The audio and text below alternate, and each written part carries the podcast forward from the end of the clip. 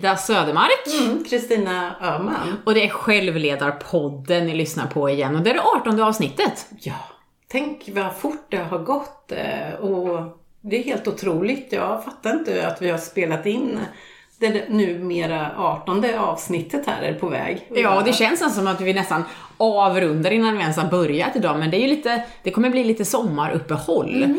Och vi har ett väldigt spännande ämne som vi skulle vilja avhandla idag tillsammans med er. Mm. Ett ämne som man ju hoppades att man inte skulle behöva avhandla kan man ju också uttrycka det som. Mm. Och det handlar om prestationsångest både i idrottslivet och i arbetslivet och vilka exempel har vi stött på eh, i våra, eh, alltså i, i våra områden? Jag stöter på det här ganska mycket. Jag ska inte säga personligen, visst har jag absolut prestationsångest, det tror jag idrottare rent generellt har mer eller mindre. En del har jobbat med det just för att man känner att det är ett problem. Andra har ju kanske inte det i grunden. Det beror lite på hur man tar sig an sina utmaningar. Men jag har ju stött på det i många olika sammanhang och det ska vi ta upp idag. Och du har ju även några exempel från din arena. Men där jag känner att det har blivit kanske extra påtagligt, det är när man ska göra någonting i ett lag. Vi har varit inne på det här med landslaget och att det är en, eh, en lagtävling också när man ger sig ut på på, eh, i mitt fall, sträckan 100 kilometer och att de bästa tiderna räknas ihop till en lagprestation. Men det gäller att alla är kvar på banan. Men det finns ju mindre, eller kortare utmaningar än så. Stafett är ju ett klassiskt exempel när eh, när eh, ett lag inte är starkare än den svagaste länken. Och det kan vara svårt att få ihop ett stafettlag också. Och, och det kan bli en särskild press när man tror att man måste vara så himla bra och man tror att alla andra är så bra men återigen så handlar det om att alla måste in i mål och inte ge upp.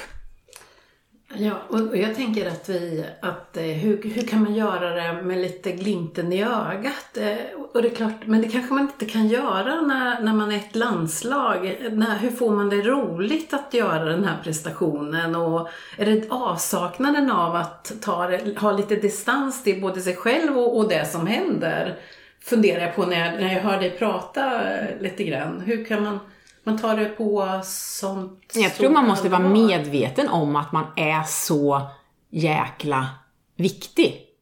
För att är det... Viktig i, i lag, för att Ja, precis. Att oavsett hur det går så är man ju, och egentligen så är det faktiskt, är det ju, är man ju ännu viktigare där än i en individuell prestation. För Absolut. det går inte att göra stafett om man är för få antal mm. Eh, deltagare. Mm. Och jag just det här med, det här, det här med att, det här med prestationsångest tycker jag också inom min arena, det är ju, det känns som att kvinnor sätter har mer prestationsångest när det gäller, och gäller eh, alltså resultat eller alltså idrottsliga utmaningar. Det kanske handlar om en särskild tid man ska göra. För jag vet att det är många tjejer som väljer att inte ens tala om sina mål. För man känner att det blir en sån otrolig press från andra. Och jag, jag tänker att det här är egentligen en positiv press. För att det gör ju, alltså jag ser ur mitt perspektiv så gör det att jag kanske gör, ger det lilla extra för att jag faktiskt har talat om att det här ska ske, eller jag hoppas att det här ska ske. Ger men sen, det lite mer energi? Ja, men det gör ju det. För dig precis, precis. Men precis, att, eh, att när jag blir trött så att ja, men jag vet att jag har sagt det här till andra, men då ska jag ändå ge det här extra, verkligen visa att jag kan det här. Men i grund och botten tävlar jag ju främst mot mig själv och har liksom, är trygg i det och stark i det och det gör ju att jag fortsätter även om det inte går som jag har tänkt mig och det är väl där vi har den springande punkten. Mm. Vad händer om det inte går som jag har tänkt mig? Ja, det, det, jag tänker att du är inne på det. Det handlar ju om hur du har, kan hantera det eh, i sig, att det inte går som du tänkte dig. Hur, vilken mental kapacitet du har. Har du, har du övat upp det här? Har du eh, reflekterat över tidigare motgångar?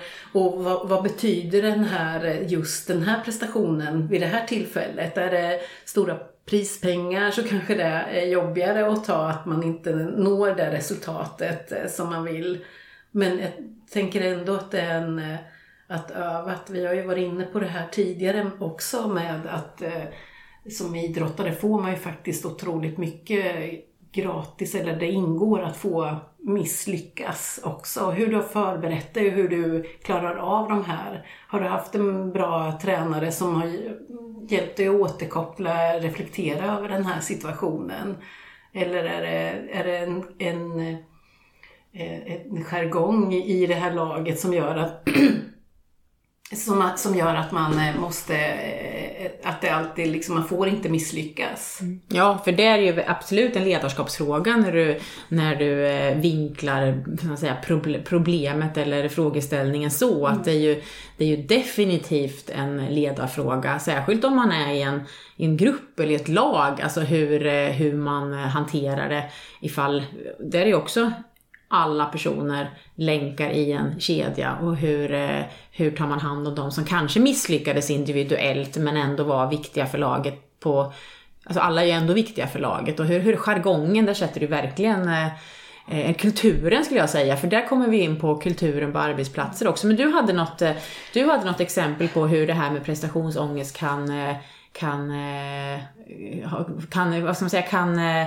kan visa sig, eller uttrycka ja, sig. Ja. Jag, jag, för jag tänker på tem, eh, dels så tänker jag på prestationen och, och jag, jag funderade eh, om vi nu tittar på ledarskap och sådana saker att kanske när man jobbar och att, det, att man egentligen jobbar med ett team.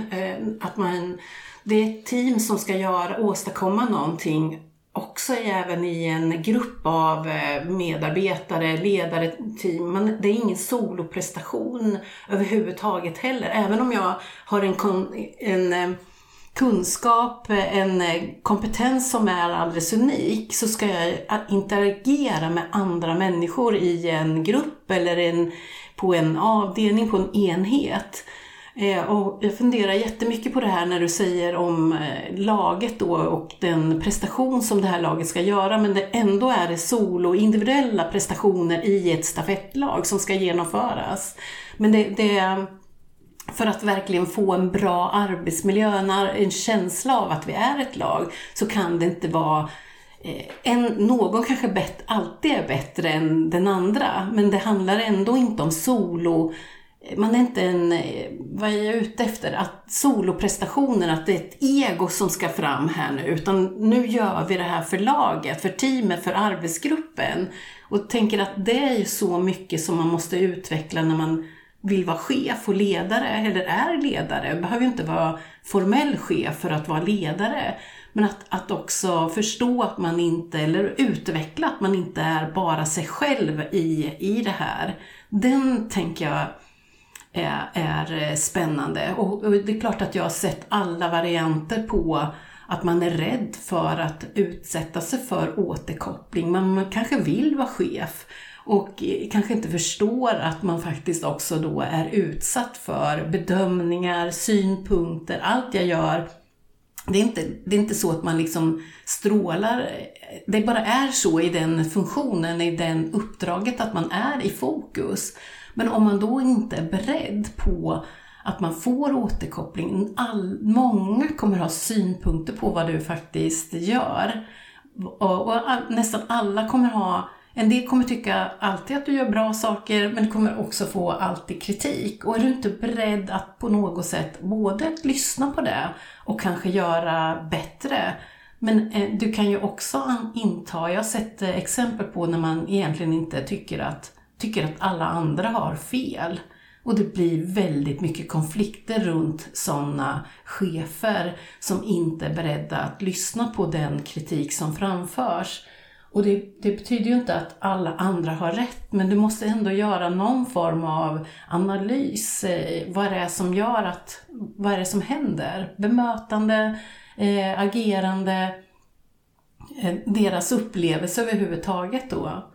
Och jag tänker en, en av dem, och det är klart att ja, om man tänker tillbaks på sitt eget arbetsliv nu då, så det är klart att man eh, vill ha bekräftelse, man vill ha, man har behov av bekräftelse att man är duktig, eh, det tror jag de flesta av oss. Sen får man jobba med sitt bekräftelsebehov. Det, som ledare, nej.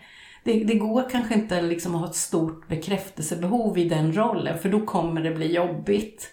Men jag tänker att en, en av de viktigaste delarna i, i min personliga utveckling handlar så mycket om att våga ta coachning. att faktiskt sätta sig ner tillsammans med någon och få spegla sig i sitt eh, utövande av, av ledarskap. Det, det är jättespännande.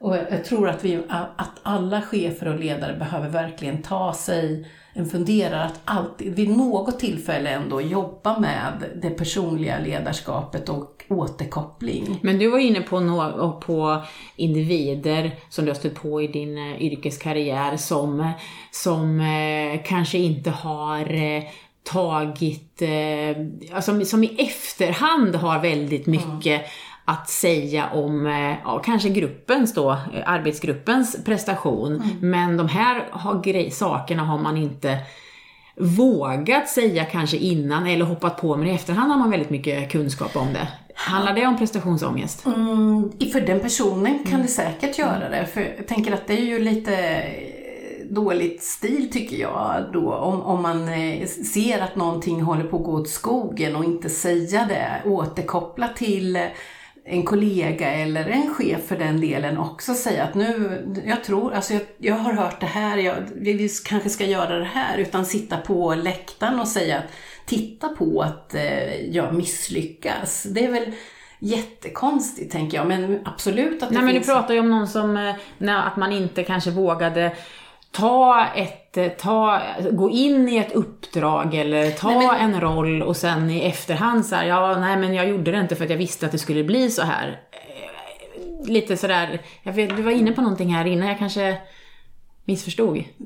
Ja, nej, men vi är nog inne på att ja. den personen mm. kanske inte eh, vågar misslyckas. Mm. Ja, att man nej. inte är stark mm. nog att, mm. att faktiskt utsätta sig. Man kanske mm. har en längtan att göra, mm. eh, utveckla sig, ta en annan roll.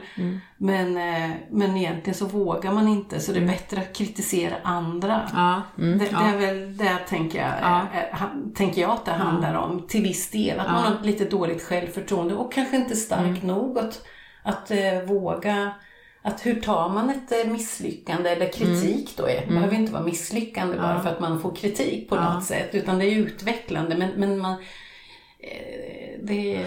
Och jag tror, jag tänker också att det här med prestationsångest, det kan väl kanske också bli, eh, bli en liten eh, snuttefill sådär att, eh, att man har på något sätt bestämt sig för att jag är en person som tycker att, eh, ut, att det, alltså det blir, jag har det jobbigt med det mentala, eh, får se om det mentala håller genom det här loppet. Känns det tillräckligt jobbigt i huvudet så tillåter jag mig att bryta för att jag är, ja men det här, den, här, den här känslan är inte bra för mig.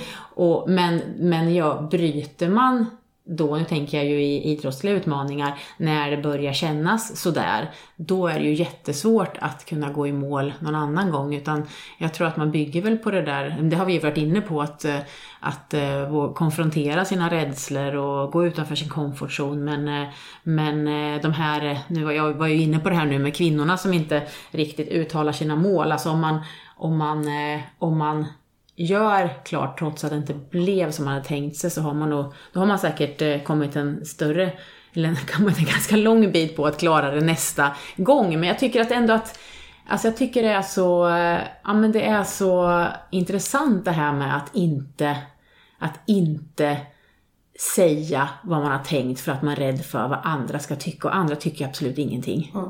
Egentligen. Nej. Om man, om, alltså, ja, ja, man, andra tycker absolut andra tycker saker, mycket, ja. men de tycker inte, de har inte några särskilda åsikter om vilken särskild tid du gör eller, eller, eh, eller om saker kanske inte gick exakt som det gick i projektet utan ju mer, har ju mer saker att säga om hur man hanterade den eventuella eh, Eh, bristen i produkt eller, eh, eller att det blev lite sämre än vad man hade, hade tänkt och hur man hanterar det faktumet. Det är väl där egentligen folk eh, har saker att säga.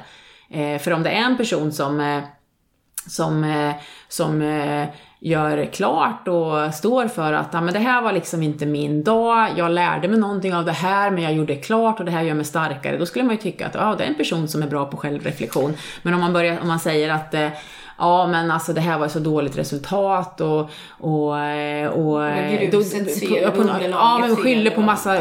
fel, ja men precis, då nedvärderar man ju också andras prestation som kanske var nöjda över den där prestationen, som kanske inte hade varit lika snabb som dig eller lika framgångsrik inom ditt ledarskap innan, utan, utan eh, det- att man, eh, ja men det är lite som du var inne på, att man jobbar med sig själv och sitt eget självledarskap, hur man, hur man hanterar en konflikt. Det är där vi skiljer de som är bra ledare, eller ja, bra idrottare kanske är konstigt att säga så, men, men eh, bra, bra idrottare i sitt, eh, i sitt, eh, i sitt psyke kanske. Ja, men, men kanske för att inte hamna i den här situationen att det är prestationsångest, att få den här Mm, prestationsångest. ja men precis, vi tror vi kommer tillbaka Ja, till, kommer till roten där. av kärnan Ja, av problemet. Jo, men det är klart att, eh, att, att, att våga, alltså att, in, att vara- bygga styrka över att det inte går som man tänker sig hela tiden. Att bygga en styrka över att att eh,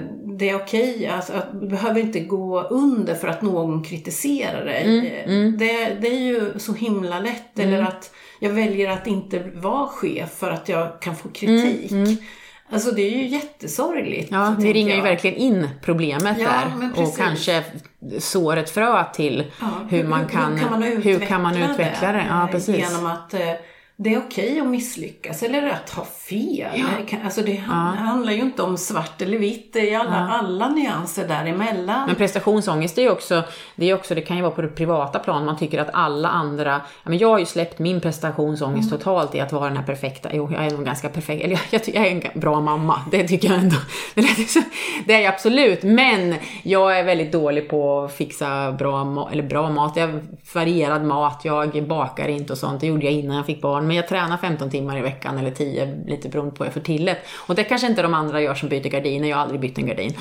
Alltså jag har samma gardiner jämt. Alltså bara och sen pysslar jag är inte så pysslig liksom. Men jag kan leva med det för att jag får till massa annat. Men jag vet att det är många som tycker att det är jättejobbigt hur andras hem ser ut eller eh, barn ser ut och sådär. Det är väl kanske en kvinnosak. Och samtidigt så känns det som att killar är mycket bättre på att, i alla fall och för utåt, hantera prestationsångest. De, Det känns som att de kan, kvinnor kanske, och jag vet inte, jag har inget, finns inget, men det är bara en känsla jag har i alla fall. Men jag tänker det är intressant att vi ens reflekterar huruvida vi byter gardiner eller inte. Ja, ja, gör killar det? Alltså reflekterar över sånt? Ja. Byter de? Ja, det, känns- det är ju lite, ja, det är kanske ingen som byter gardiner istället nu för tiden. Eller så, Ja, det finns säkert Det finns det säkert, ja. varken du eller jag gör det så vi, vi har hamnat i, i samma anda. Ja, nej men prestationsångest finns ju överallt, det är väl mest det vi vill säga och det finns hos både tjejer och killar och i alla, på alla arenor. Ja. Men eh, hur hanterar man Ja, men jag att det skulle inte kunna ge ett tips på det. Ja, Vad gör bra. Jag, hur gör jag då? För, att, för det är klart att vi är inte vaccinerade mot att få kritik eller ta emot kritik och att jag kanske inte alltid är laddad för eller ens förberedd på att kritiken kommer. Eh, och, och då behöver jag ju dels ha ett handlingsberedskap för att det faktiskt, eh, jag uppmuntrar andra att ge återkoppling. Jag frågar efter återkoppling men all, även om jag gör det så kanske jag ändå inte riktigt beredd om den väl kommer då. Men då tänker jag att min, min, mitt sätt att hantera det är, är verkligen att lyssna, att inte argumentera, vare sig jag tycker den är rättvis eller inte den här kritiken den upplevelse som den här personen har av mig. Så mitt, mitt sätt att hantera det är att bli väldigt, alltså lyssna, eh, bekräfta att jag har hört det och om det behövs självklart be om ursäkt också. Eh, men just i stunden ändå att hantera det på det sättet och ändå bekräfta att jag har hört att jag lyssnar och jag får eh, värdera det här. Men sen kan jag ju också behöva värdera det lite när vi har avslutat det här eh, mötet. Så behöver jag också naturligtvis reflektera vidare. Vad var det den här personen ville sända för budskap till mig? Och eh, ändå ta det på allvar och ändå också ibland försöka sortera ut vad, vad som var viktigt att ta med sig vidare i, i min, mitt utövande av eh, arbeta tillsammans med andra. Men jag jobbar också med, och det, det får, ibland så finns det ju andra avsikter med att ge återkoppling till en person än att den är bara hygglig. Men det, där får jag ju jobba med själv. Eh, och ibland då, när man har kanske en ny som chef, det är då man behöver coachning om det här uppstår väldigt mycket och man inte är beredd på att det här kommer. Men till vardags jobbar jag jättemycket med också att eh, lyssna på eh, meditation eller göra meditation och affirmationer för att också hjälpa till och sortera ut vad är det jag behöver ha med? Vad, vad, vad utvecklade mig i den här situationen? Men det är några saker som jag brukar hantera de här olika, när det här händer. Förstås, hela tiden. Och det som, jag, det som jag kan lämna med mig som tips hur jag hanterar prestationsångest, det är ju att jag i de stunderna direkt börjar reflektera över vad jag faktiskt lyckas med. Eh, är det så att jag springer på en sämre tid, då kan jag ju fundera, vet, jag vet att jag har sprungit på bättre tider, jag har sprungit eh, kanske ännu längre sträckor, jag har haft bättre känslor, jag vet att jag kan men det gick inte just idag. Att man liksom går tillbaka till någonting där man har, där man har lyckats för att få, liksom, få in de känslorna istället. Så det är väl mitt sätt att hantera det på, ja, även kanske efter målgången då, att ja, men nu blev det inte så här, men en annan gång blev det faktiskt så där. Och eh, det här är en av alla utmaningar som jag har, eh, som jag har deltagit i och det här handlar inte bara om mina idrottsliga utmaningar, att nu, nu blev det inte så bra, men, eh, men jag har gjort jättemycket bättre andra gånger.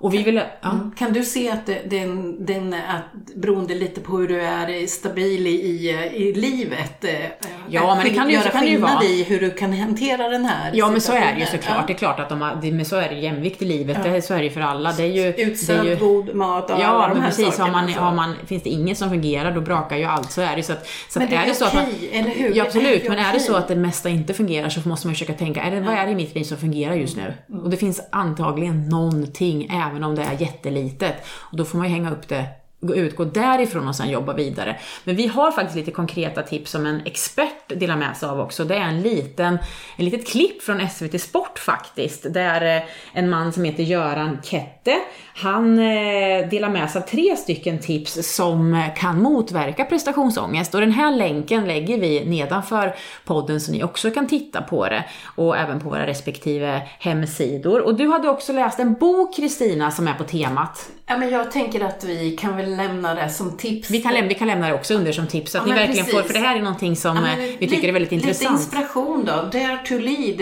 är ju en eh, Brené Brown som har skrivit. Den är en litteratur som förekommer ändå rätt mycket kring ledarskap. Mm. Eh, som är aktuell, inte kanske dagsaktuell, men har varit där under en, en tid. Ja. Men den eh, för att få lite tid för reflektion mm. förstås. Då. Och om vi då återgår till vår egen, eh, vi ska inte säga prestationsångest, vi har ju genomfört något fantastiskt 18 program med det här.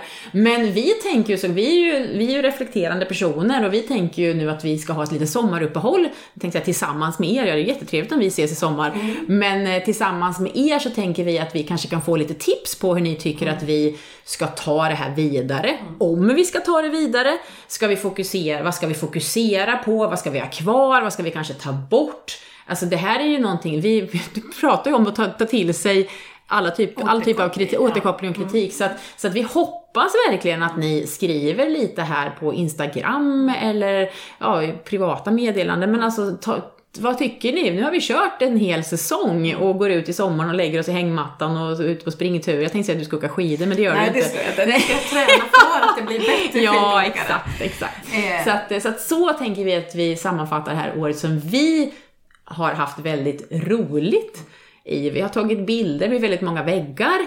Vi har pratat ja, med hjälp av förbipasserande personer som är våra fotoassistenter och vi har skrattat mycket och vi har vilket vi också har liksom känt att det här är ju någonting som vi också gör för oss själva för att liksom reflektera över vad är det vi har för tankar i vårt huvud. Men vi förverkligar en tanke. Det mm. tycker jag är mm. en av de viktigaste delarna. Mm. Vi hade en tanke 2022, vintern 2022 och eh, att vi har fullföljde det och vi har, det tycker jag är alldeles fantastiskt. Det, det tog sin tid men, mm. men nu har vi faktiskt åstadkommit det här och jag tror, jag tänker att vi har utvecklats eh, som poddpratare också. Och sitta tillräckligt nära mikrofonen och så vidare. Så att det, det, vi, vi ser fram emot en skön sommar och önskar er en superskön sommar eh, med allt vad det innebär. Och kanske det är någon som lyssnar på det här i hängmattan som kanske inte har varit med på hela resan heller. Det hade ju varit en väldigt, eh, eh, det känner vi oss ödmjuka inför. Så att med det sagt, Ja, härlig sommar! härlig sommar!